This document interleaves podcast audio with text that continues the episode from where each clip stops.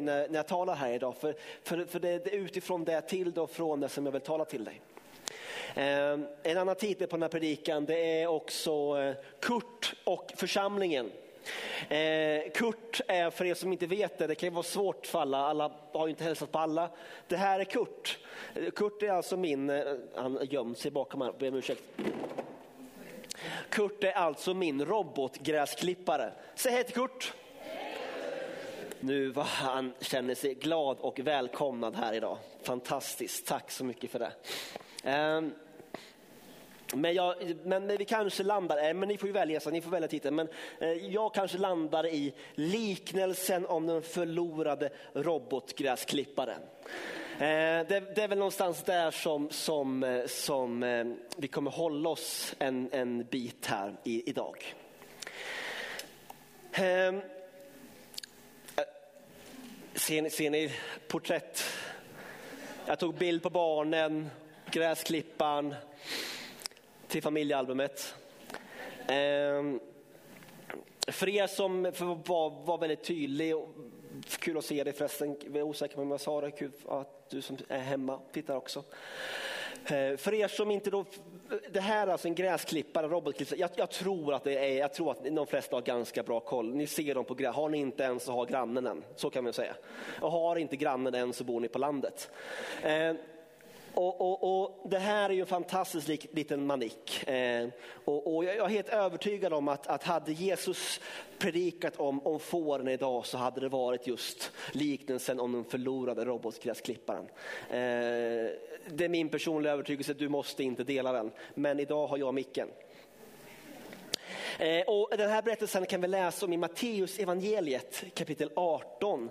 Eh, så vi kan, eh, kan gå dit på skärm, skärm, bibel. Det är ibland så, så nej vi skippar det. Jag älskar Jesus, han börjar med så här, vad tror ni?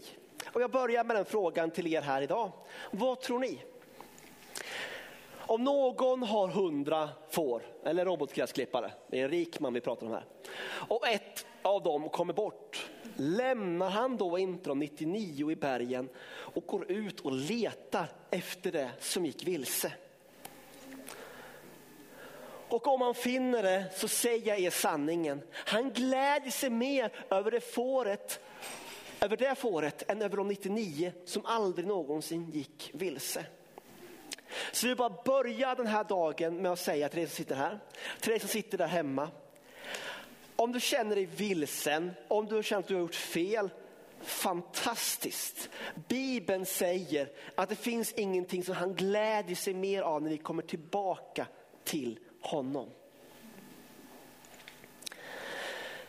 Ehm, det har burit med mig under hela den här förberedelsen inför den här dagen, den här predikan. Det är lovsångskvällen som vi hade för, före sommaren. Under den här kvällen, och ni kan gå in och titta på det här på Youtube och, och om inte allt för avlägsen framtid så kommer den finnas, vad är det du säger Jonsson, där dina strömmade musik finns. Alltså på Spotify för oss vanliga dödliga.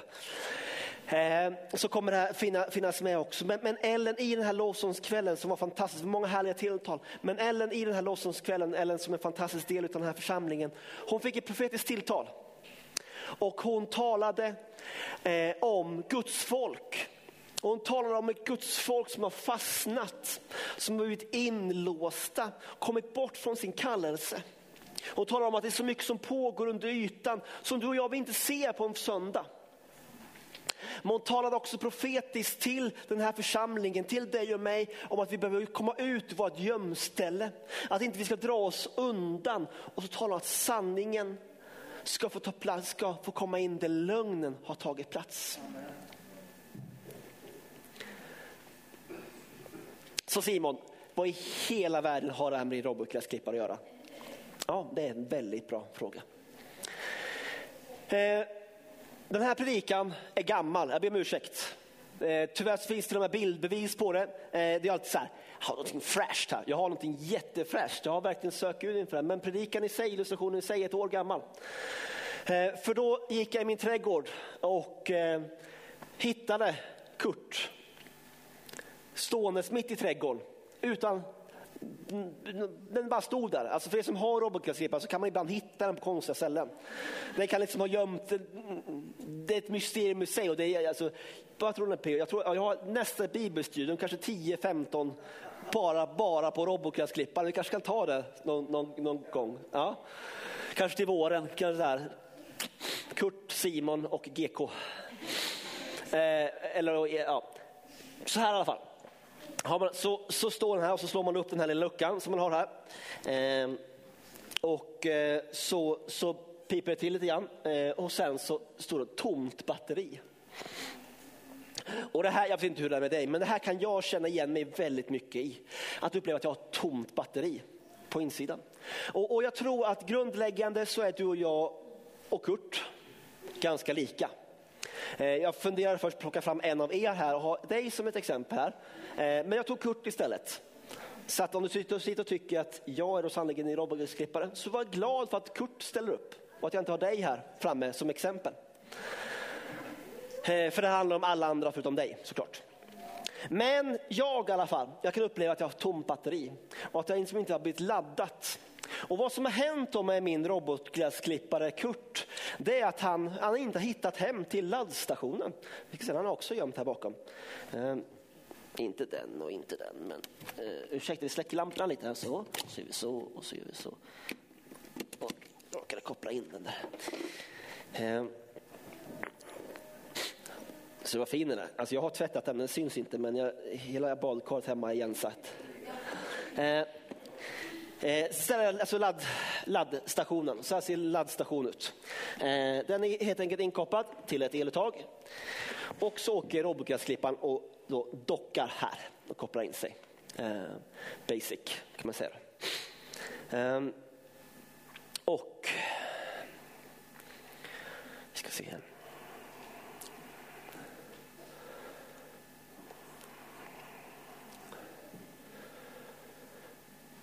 Vi väntar lite grann på, på eh, den där. Men hur som helst, då kommer och dockar till här. Men när den här, och då, då skulle jag vilja påstå att den här laddstationen det är församlingen. Därav Kurt och församlingen.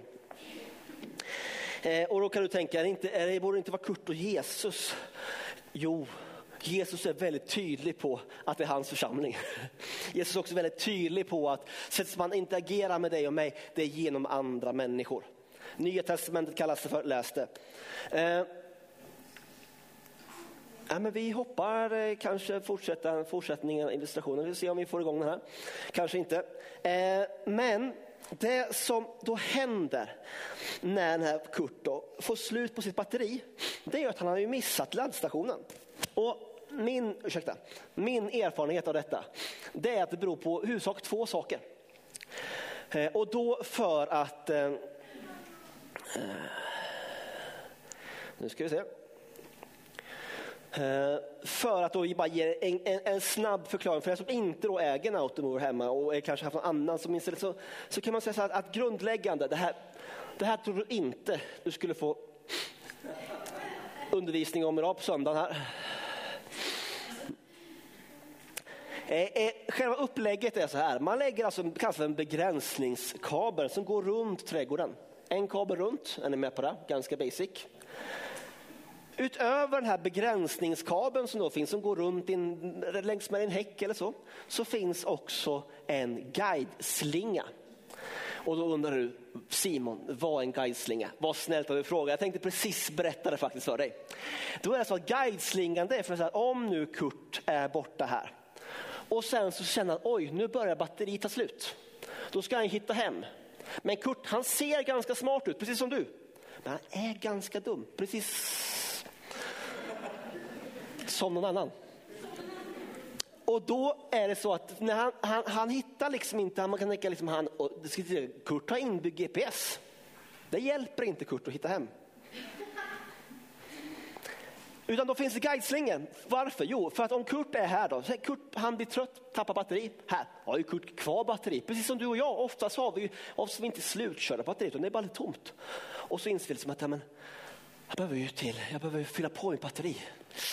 Och varje gång så ställer sig Kurt samma fråga. Undrar vart jag ska fylla på batteriet. Och så börjar han åka runt här och så han börjar på Netflix. Han, liksom, han mellanlandar liksom i lite mellanmål. Han kör runt här och borta här hittar han liksom lite goda vänner. Och så kör han runt så, men batteriet är fortfarande tomt. Guideslingan som finns installerad, det är till för att tillverkaren har insett att Kurt, fast han behöver laddas flera gånger per dag, så kommer han aldrig ihåg vart han ska laddas och att han behöver laddas. Så att guideslingan är helt enkelt till för att han ska komma här bara egentligen hinna till Netflix och ett mellanmål innan, oj just det, det är ju församlingen som jag laddar mina batterier. Och istället då för att behöva liksom jaga runt här till, liksom, till tv-tittande liksom halv tolv på kvällen, till liksom irritation på familj och, och liksom här, så är det liksom ett, ett direkt spår till laddstationen. Ja, det är starkt faktiskt. Det som då händer det är att grundläggande så är det två saker som händer med min Kurt. Det ena är ju då att han tappar batteriet och då, då har jag märkt en sak att jag har ju grävt ner de här guideslingorna hemma. Men vet ni vad? Det var tio år sedan. Och då började jag läsa på lite grann så här i forum och kolla lite grann. Och då, då är det som med din gräsmatta, för dig som inte vet, den, den växer uppåt. Alltså inte bara gräs, utan gräset klipps och så hamnar så Den här guideslingan som låg ganska, ganska grund från början, alltså ganska högt uppe i gräsmattan, den har hamnat ganska långt nere. Så det som har hänt hemma med min Kurt är att jag har lagt ner guideslingan, jag har lagt ner vanor i mitt liv om, som handlar om att jag vet att det är församlingen som jag fyller på mina batterier. Men det var ganska länge sedan som jag grävde ner de här guideslingorna. Och, och helt plötsligt så upptäcker, så, så hittar inte Kurt de här guideslingorna. Utan han börjar snurra runt där. Och då är inte nog med saken att, att han, ja men då tänker du, ja men då är det ju bara varv här liksom. Netflix, fika, vänner, gott sällskap, lite, lite dumheter och sen hittar han hem. Ja men problemet är att han, det är alltid någonting i vägen. Fotbollsmål, en boll, en, var ganska små saker egentligen. Och då går han och så kommer han hit och så bara, oj, här var någonting i vägen. Ja, då sticker han någon annanstans och sen då kommer han, oh här, och man tycka, men nu är du nära, nu borde du hitta hem här. Nej, och, och då fast studsar han här, ja, då hamnar han här, och guideslinga eller begräns. Ja, men jag följer den, då är han precis bredvid kyrkan. Ja, men då går han andra hållet, precis som du, eller jag menar som jag. Och, och helt plötsligt så, så är ju inte batteriet dåligt, utan det är tomt. Det intressanta med det här också, det är att när Kurt kör, han ser väldigt bra ut. Du ser ingen skillnad på när han vimsar runt och letar efter laddstationen. Eller om han klipper, vilket gör att jag har svårt att se då liksom, Gör han det han ska? Klipper han gräset? För det är ju Kurts kallelse i hans liv. Klipper han gräset? Eller bara åker han runt och letar efter laddstationen? Det är ytterst svårt att se det. Det ser jag bara om jag kommer Kurt nära. Alltså som dina vänner, din familj som kommer nära, som hör om det låter, om det klipper gräs eller som ser vad som händer efter Kurt. Som är en Jesu lärjunge så är det, så, alltså, det är saker inte samma efter det Kurt går fram. Men ibland så vimsar Kurt runt och han säger ju ingenting till mig. Och, och, och, och det är svårt att se vad det är som pågår, vad som sker under ytan. Men så för två veckor sedan när jag förberedde den här predikan och hade glömt bort Kurt och de här sakerna så kom den helige ande. Och jag, är, jag är ganska, jag vet inte vad, trubbig eller ganska, jag är inte så komplicerad. Jag behöver tydliga, gärna mail, gärna tydliga saker. Men när Gud ska tala till mig. Eh, och, och Gud talar till mig i de här två sakerna. Och där reser sig halva församlingen gick ut. Det är helt okej. En sten och en gummiplupp. Men då är det så här, då kom jag på, satt jag på morgonen och läste min bibel. Sitter ute med min fantastiskt fina utsikt. Som bara, tack Jesus för din nåd över mitt liv. Och sen så bara, ser, börjar inte gräset bli lite liksom högt? Jo, oh, det börjar det bli. Jag har inte sett Kurt på länge. Jo, men var inte han i laddstationen? För han har lite så här favoritställen han fastnar på. Säg till dig, kolla, nej, ingen Kurt där. Nej, men mycket riktigt. Kurt, han var alltså i laddstationen. Han hade, han hade kört, hittat hem, vet du. Parkerat sig där, vet du kanon. Det är bara att han, han hade inte riktigt parkerat sig där. För de här sakerna visade sig sen. Hade liksom hur, hur stenen och den gummipluppen hamnade här. låt vara osagt. Kan vara Viktor, kan vara bergsget, kan... Ja. Hur som helst. Så trycker jag på knappen här, öppnar upp luckan. Och för, precis som för dig och mig, det, det, krävs ju, det är liksom inte så att man får ett sms, liksom, utan det krävs att någon kommer och liksom, Simon, hej, hur är det? Det är bra. Simon, ja. Så det är någon som trycker på luckan, så öppnas luckan upp och så tänds displayen. Och så stod det laddstationen blockerad. Så här har vi alltså, han är inte ens vilsen den här gången utan han har hittat, hittat församlingen. Yes, gött och, alltså, vilken kille. Han har stått här i flera dagar och laddat nu. Man of God tänkte jag. Nej det tänkte jag inte. Jag tänkte vad gör du här? Du ska ju vara där ute. Du ska ladda här och sen ut tänkte jag. Laddstationen blockerad. Ja, men vad säger Jesus om det här då? Säger Jesus, han som sagt talar om detta. Och i Matteus evangeliet kapitel 5 så kan vi läsa om någonting en undervisning som Jesus har. Han säger så här, därför om du bär fram din gåva till altaret och där kom ihåg att din broder har någonting emot dig. Så lämna din gåva framför altaret och gå först och försona dig med din broder. Kom sedan och bär fram din gåva. Och där talar den helige ande till mig. Om de här två sakerna. Synd och oförlåtelse. Det är synd, jag vet. Men två konkreta saker, eller om du vill kalla det för oförlåtelse och skam. Kärt barn har många namn. Men vad, du kan sitta här idag och inte få med dig någonting hem överhuvudtaget. Vilket, ja absolut gör mig ledsen, men, men framförallt så, så vore det så sjukt tragiskt. För det är så många som inte har hittat hit idag som håller på äh, förhoppningsvis då följer begränsningslinjen, kanske sitter fast någonstans, men som inte har förstått att församlingen, att dina och mina syskon, det är så Gud jobbar. Märkligt? Ja. Gud är märklig. Läs Bibeln. Mm. Det är inte konstigt att folk kliar sig i huvudet ibland.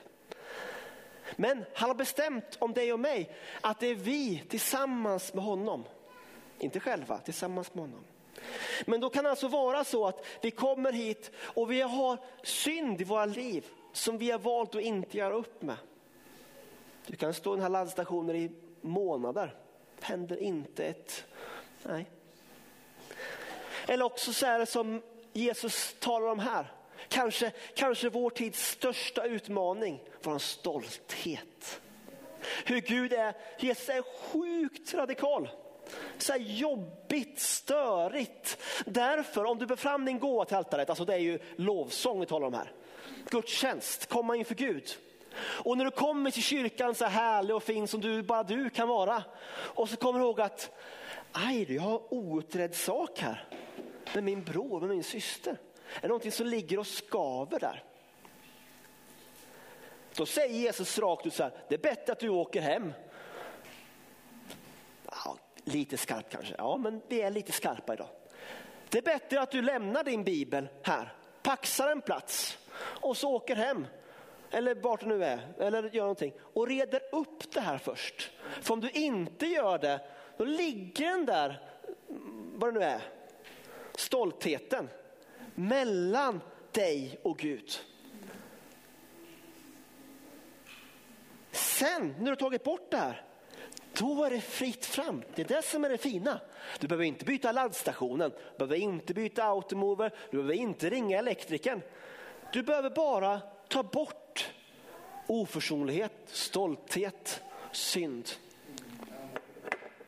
Och så kan du få laddas på nytt.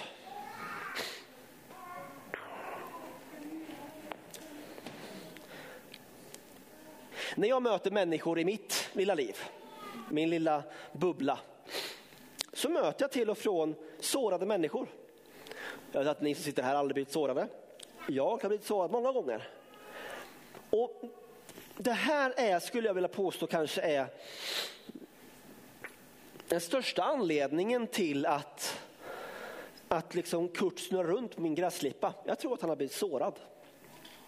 Jag tror att han, att han störs lite grann på de andra, antagligen automoverserna i grannområdet. De är nyare och finare, blankare, någon har dekaler på sig, någon har lampor, de är man väldigt avundsjuk på. Eh, och, ja, eftersom vi talar om Kurt och inte om dig då, så, så, kan, så är det så lätt att vi snurrar runt, det ser bra ut, men ingenting klipper. För det som händer med Kurt när batteriet blir lågt, det att den stänger av klipparna, knivarna som snurrar under som ska klippa. Alltså Kurts kallelse, det han har kallat, alltså enda anledningen till att han är tillverkad och finns i min trädgård är att han ska klippa gräset. Ingenting annat. Det är ganska enkelt, enkelt egentligen. Men så fort batteriet blir dåligt på honom så stängs klippaggregatet av. Och så följer han inte längre sin kallelse. Utan han behöver leta upp. Och det här är helt okej okay när vi letar upp för vi behöver komma till laddstationen. Men om vi inte är på väg till laddstationen utan bara så här, han liksom bara glider, glider runt så här. På gräset, åker runt i raka linjer, ser precis likadant ut som allt det andra. Men han, han liksom bara, han gör ingenting. Han åker bara runt. Men ser precis likadant ut. Men han gör inte det Gud har kallat honom till att göra. Jesus, han är en sann terapeut.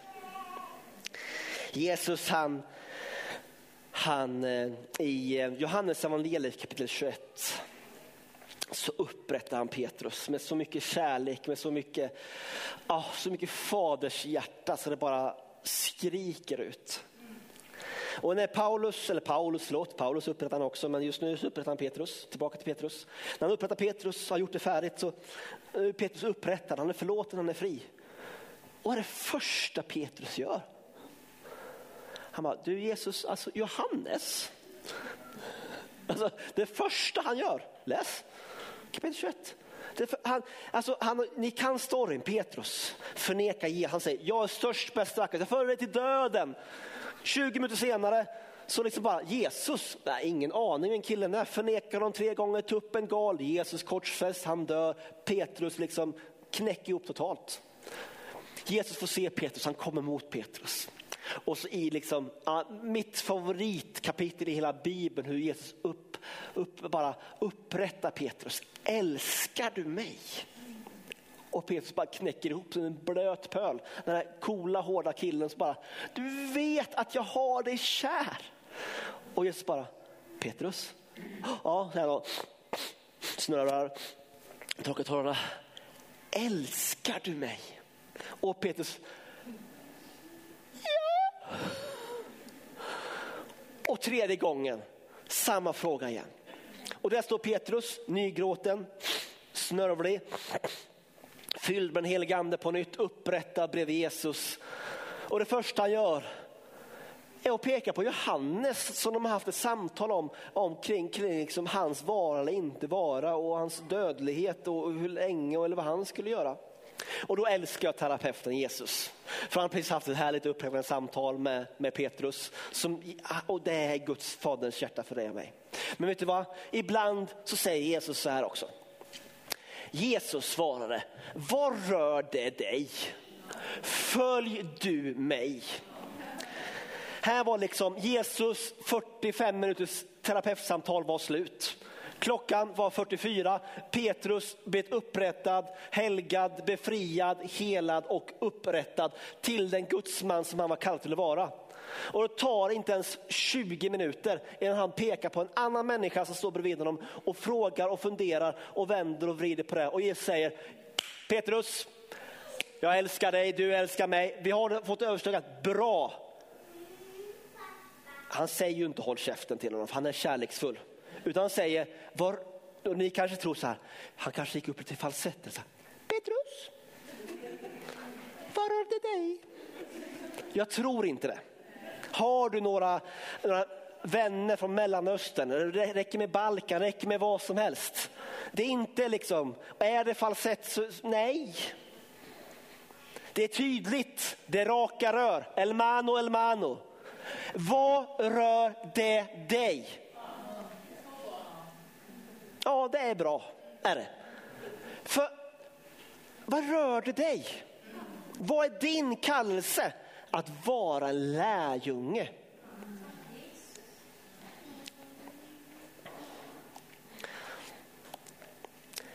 Men Gud, i all sin nåd och sin kärlek.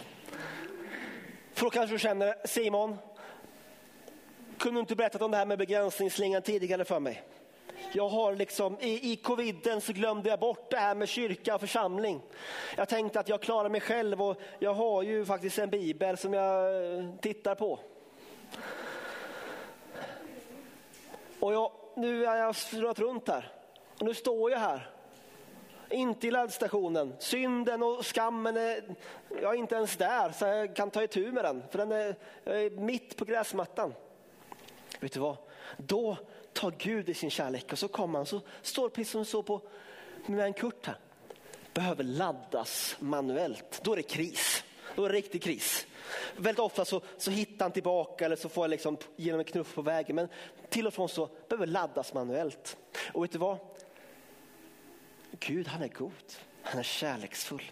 Så han tar Kurt, eftersom du inte vill vara med på min liknelse här. Och så tar han Kurt och så har han hittat honom långt bort här, halvvägs utanför bild här. Och sen så tar han och så släpar han Kurt och dig och mig till laddplattan. Och så trycker han till och sen så piper det till det gör det inte nu för jag har stängt av honom för annars börjar han tjuta. Han är lite så. Och så kommer Kurt i laddstationen. Få laddas, få batteriet påfyllt. Och det tar inte så lång tid. Det, men det behövs vara regelbundet. Det behöver vara en vana. Ja, där är Gud, jag och Kurt. Ja. Och när han laddat så står det så här i displayen, står redo. Ja, det en gammal scout kan ju inget annat än älska det. Liksom. Alltid redo. Va? Och det är, det är ett ord som, som den helige ande vill skicka med idag, redo.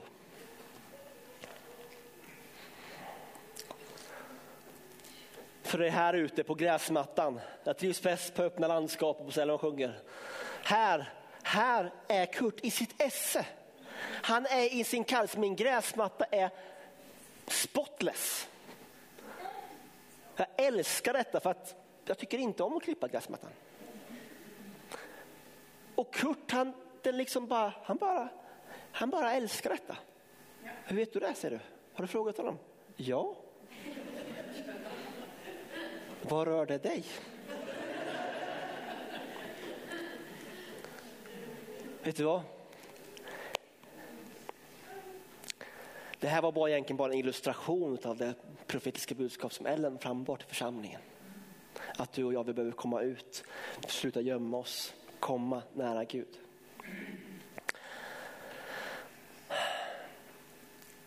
Vad är en lärjunge? då?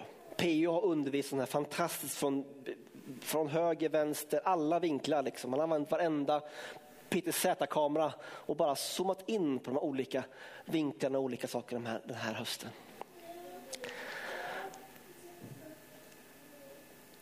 När min bror gifte sig så, så var jag så osäker på vad jag skulle, vad jag skulle säga, vad jag skulle tala om. Eh, och, och, det slutade med första Korinthierbrevet 11 och 1. Det står så här. Följ mitt exempel, lika som jag följer Kristi exempel.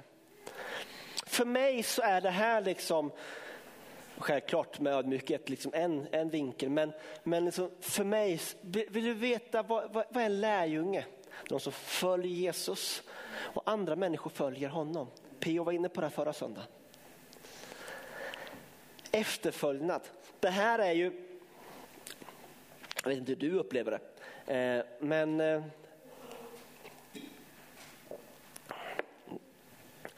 det är ganska kaxigt vid en första anblick. Följ mig, jag följer Jesus.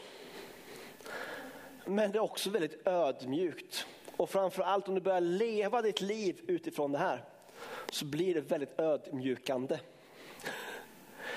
För när du inser att andra, för att vara en lärjunge, är också alltid en ledare. Vi har en konstig definition av ledarskap i vår kultur. Men att vara lärjunge är att vara ledare. Att vara ledare, att leda andra människor från punkt A till punkt B. Från världen till ett rik av ljus. Från världen till Jesus, från synden till korset. Som lärjunge så är vi kallade till att leda andra människor. Och det här, det här skapar en, en positiv, en positiv, vad ska vi kalla det för? Så tyngd. När jag inser liksom att, även, hur många här kör, eh, kör sina barn till olika idrottsmatcher runt om i Sverige? Upp med en hand. Ja, ni som har gjort det kan räcka upp handen också. Ja. Många har kört runt här och, och, och när man kör så, så, träffas man i Sävsjö, träffas man vid Hogårdshallen eller vid ishallen och så, så är det massa bilar och så åker man någonstans. Då. Och det värsta jag vet är att hamna först. Ja, men vi ska ju till Korsberga. Alltså det är inte den nya, utan det är den gamla, den andra där. Och sen slås dörrarna igen och sen, jaha, och så ska jag åka. Korsberga så långt, so far so good. Och sen så bara, jaha, vart var det nu jag skulle? För om svänger jag till höger följer fem bilar efter mig. Och, och, och, jag ville ju bara liksom svänga in det för de skulle åka förbi och visa vägen men de liksom, de, för det är ingen som hittar. Visade det sig sen. Och han som skulle hitta, han hade några tankar innan så alltså han, liksom, han är borta. Välkommen till ledarskap. Det här det gör ju att jag varje gång plockar fram Google. Snabbt upp Korsberga, scrolla, där, fotbollsplan, kanon. Och kör vi. För när jag åker, när jag ser att människor följer mig och, ser du inte att människorna inte följer då beror det bara på att de, de håller till lägre hastighet än vad du gör. Att du kör för fort, så du behöver kanske sakta in lite grann. Hålla hastighetsbegränsningarna, det är en annan predikan i sig. Men jag tar det på allvar. Alltså, jag kan ju snirkla runt i, men det är människor som följer mig. Jag måste hitta rätt.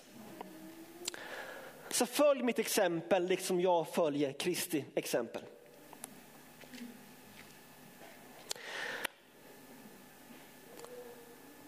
Undrar ni fortfarande hur en lärjunge ser ut? Om ni vänder er snett bakåt där så ser ni Felix. Hej Felix. Så ser en livslevande lärjunge ut.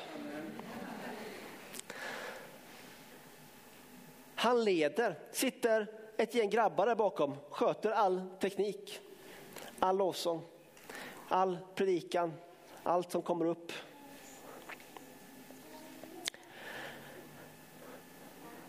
Och han leder. I det mest praktiska av allt kanske. Men han följer också. I veckan här nu så fick jag ett sms av Felix. Simon. Stod det. På söndag så är det inget, eh, inget teknikteam uppsatt. Hur löser du det? Nej, vet du vad det stod? Hur löser vi Ja, det är värt en applåd. För jag hade, i, jag hade det är tydligen fem söndagar i oktober och inte fyra.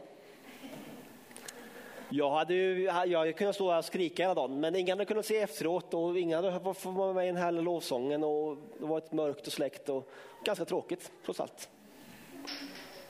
Hur löser vi det? Lärjungaskap. Jag vill avsluta med ett, ett tilltal som jag tror är till församlingen för den här tiden, för den här dagen. Innan vi ska be tillsammans, vi ska bjuda upp lovsångarna tillsammans och fortsätta eh, lovsjunga honom. Eh, och vi ska, du ska få möjlighet att komma fram för förbön eller be någon som du sitter bredvid om förbön.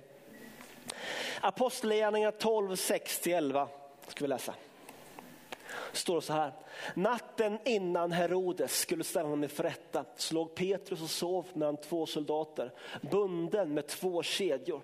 Utanför dörren stod det vakter som bevakade fängelset. Plötsligt så stod där en Herrens ängel och ett ljussken lyste upp rummet. Ängeln stötte Petrus i sidan, väckte honom och sa skynda dig upp. Då föll kedjorna från hans händer. Och ängeln sa till honom Sätt på dig bältet och sandalerna. Petrus gjorde så och ängeln sa, ta på dig manteln och följ mig. Petrus gick ut och följde honom. Han förstod inte att det som hände genom ängeln verkligen var verkligt. Utan han trodde att det var en syn som han såg. De gick förbi den första vakten och den andra vakten och kom sedan till järnporten som ledde ut till staden. Den öppnades för dem av sig själv. Så kom de ut och gick längs en gata och plötsligt lämnade ängeln honom. När Petrus blev sig själv igen sa han, nu vet jag verkligen att Herren har sänt sin ängel och räddat mig från Herodes hand och från allt som det judiska folket hade väntat sig. Petrus kommer ut härifrån, går, går, springer direkt bort, han vet att det är ett bönemöte hemma hos på härliga församlingsmedlemmar, knackar på dörren. Springer en tjej och öppnar som är med på bönmötet och hör att det är Petrus som bara, Hoho! Det är Petrus! Och så springer hon därifrån igen. Så Petrus står fortfarande och knackar och springer in till de andra bönderna som håller på och ber för Petrus. Petrus utanför! Ja, amen, amen säger de. Vi känner det också här på insidan, vi, bara, vi håller på att bryta igenom för Petrus. Han står här ute och liksom det tar en ganska lång stund innan, innan bönemötet vaknar till liv och inser att Petrus är i bönesvar, men han knackar också på dörren, han är där. Inte liksom bara billigt utan fysiskt. Så springer och hämtar stackaren som står ute och han är på begripen igen av vakterna säkert. Liksom. Ingen släpper in och han kommer in och hälsar dem alla. Fantastisk härlig historia. Men den helige ande han, han plockar ut för mig eh, vers 7 och vers 8 som jag skulle vi djupdyker bara lite snabbt i. Plötsligt, plötsligt hände det. Världens sämsta reklam kanske, eller inte skoj. Men vet ni vad? Att Guds rike det är, det är gediget, det är långsamt, det är ett långkok, det är allt det här. Men det är också plötsligt. Den helige ande, han gör vad han vill, när han vill, hur han vill. Plötsligt så stod en Herrens ängel där mitt ibland och ett ljussken. Är du i mörker den här dagen så är jag helt övertygad om att helig ande, oavsett om du sitter här eller sitter hemma, så kommer en helig ande här idag med ett ljus rakt in i ditt mörker. Han lyste upp rummet.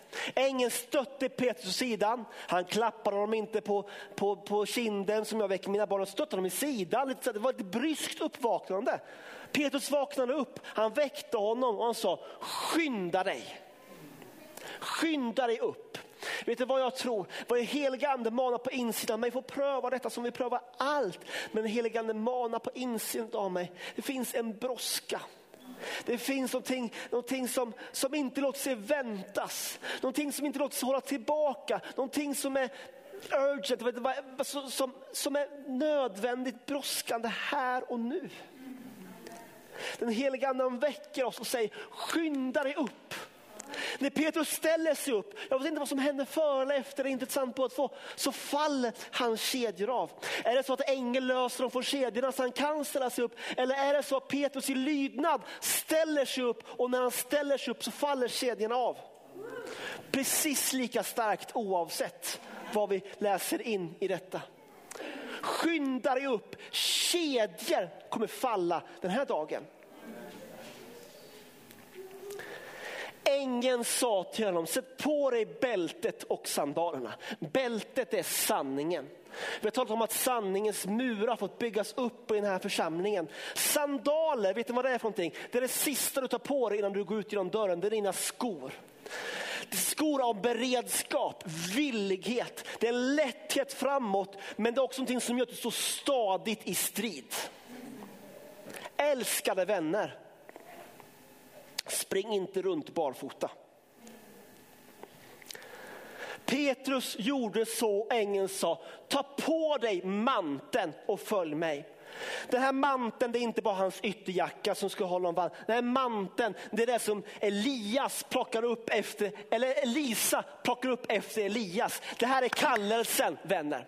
Det här är Guds kallelse på dig och mig. Guds kallelse på Guds församling, den här församlingen, på den här staden. Hur ängeln kommer, väcker Petrus liv, ställ dig upp. Boje faller, han ställer sig upp, han tar på sig sanningen om sig. Sanning om vad Gud talar till dig, till mig, till den här församlingen. Sanningen i brus av skit på ren svenska. Sanningen, Guds ord som är evigt verksamt. Guds ord, ta på dig sanningen. Sen säger jag till honom, ta på dig skorna. Villigheten, ja ska vi ut? Ja men jag måste på med skorna. Det är kallt ute, på med skorna, på med skorna. Vet du vad? Vi ska ut, vi ska inte vara kvar, vi ska ut. Och vet du vad, när vi kommer ut, vi behöver stå stadiga i strid. Du kan inte springa runt på stridsfält med bara fötter. Du måste ha skor på dina fötter. Men vet du vad, Gud han kallar dig och mig. Ta upp din kallelse, ta upp din mantel. Den som generationer har lämnat framför, bakom dig. Ta upp kallelsen. Det var det som Elia gjorde, han plockade upp Elias mantel. Vad hände? Han gick i samma fotspår, men han fick inte bara se samma sak. Han fick se dubbelt så mycket undertecken. Större, mäktigare, kraftigare. Han tog upp manteln. Ursäkta jag skriker. Det handlar om män och kvinnor som insett deras föräldrar och föräldrar före det, generationer innan har gått upp. Manteln handlar om generationer. Manteln handlar om hur människor följer andra människor och ser, tar sikte Följ mig så som jag följer Kristus. Följ mig så som jag följer Kristus. Vem har följt Kristus före dig? Där, där är Pio. Jag tar sikte på honom. Där han snackar, jag kände igen honom i, i folkmassorna. Jag hänger på, jag vet, jag hänger på, jag hänger på. Där han har burit, jag plockar upp det. Manteln, kallelsen för den här församlingen, kallelsen för ditt liv. Så reser vi oss upp. Skynda dig ljus, ett uppvaknande, en skyndsamhet, kedjor som faller, sanning, villighet, beskydd, att stå fast. Manteln, kallelsen som Gud har lagt på ditt och mitt liv, på en församling. Halleluja. Jag tror att det var ett profetiskt ord från Gud för den här tiden här nu.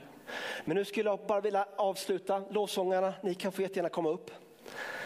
Utifrån andra Mosebok kapitel 5, 7, 8, 9, 10. Ni behöver inte vara oroliga, jag ska inte läsa alla kapitel. Men det står samma sak i de här kapitlen.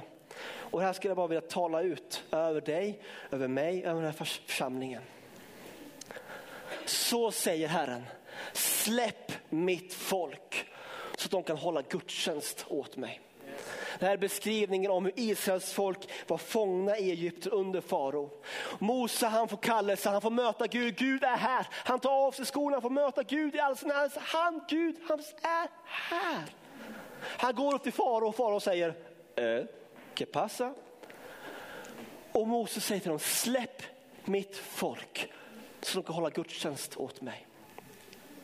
Det är Guds längtan för vår församling, för din familj, för dig frihet så att vi kan komma inför honom. För det Gud har kallat dig, Kurt, till att klippa gräs. Han har kallat dig till att leva ett liv som en gudstjänst inför honom. I allt vi säger, i allt vi gör. Så heligande, tack att du den här söndagen att du släpper oss fria, du sätter oss fria. Satan, i auktoritet av namnet Jesus så tal till varje boja, varje band, varje ok som vill binda. Släpp Guds folk. I Jesu namn. Låt dem gå. I Jesu namn. Hera sakopa makoros. Tack Jesus, halleluja, halleluja, halleluja. Tack Jesus, tack Jesus. Vi lovsjunger tillsammans och avslutar den här gudstjänsten. Känner du att du vill ha förbön så är du varmt välkommen fram. Jag finns här, Peo, Karina, Julia finns här och ber jättegärna för dig. Eller också knackar du någon på som du står bredvid, som sitter bredvid och kan inte du be för mig? Men jag vill utmana dig på att göra någonting praktiskt idag. Skon föll av där. Men skon som jag la upp här.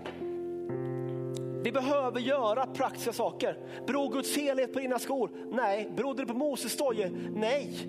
Finns någonting viktigt vi kan lära oss? Ja. Att gensvara. När Gud möter oss, att vi behöver gensvara. Och det behöver vara praktiskt. Ibland så blir det så, det blir så flummigt ibland. Det blir liksom här uppe. Låt det bli praktiskt, gensvara, knacka på din granne, kom fram, skriv ner i din telefon, i din bok vad Gud talar till dig om. Men låt det bli praktiskt och gensvara på hans, hans rop, hans kallelse på ditt liv. Det finns frihet från fångna, det finns syn från blinda och Gud han kallar ut sitt folk till gudstjänst för honom. Amen. Nu lovsjunger vi tillsammans och så ber vi för varandra tills vi inte orkar be mer. Amen.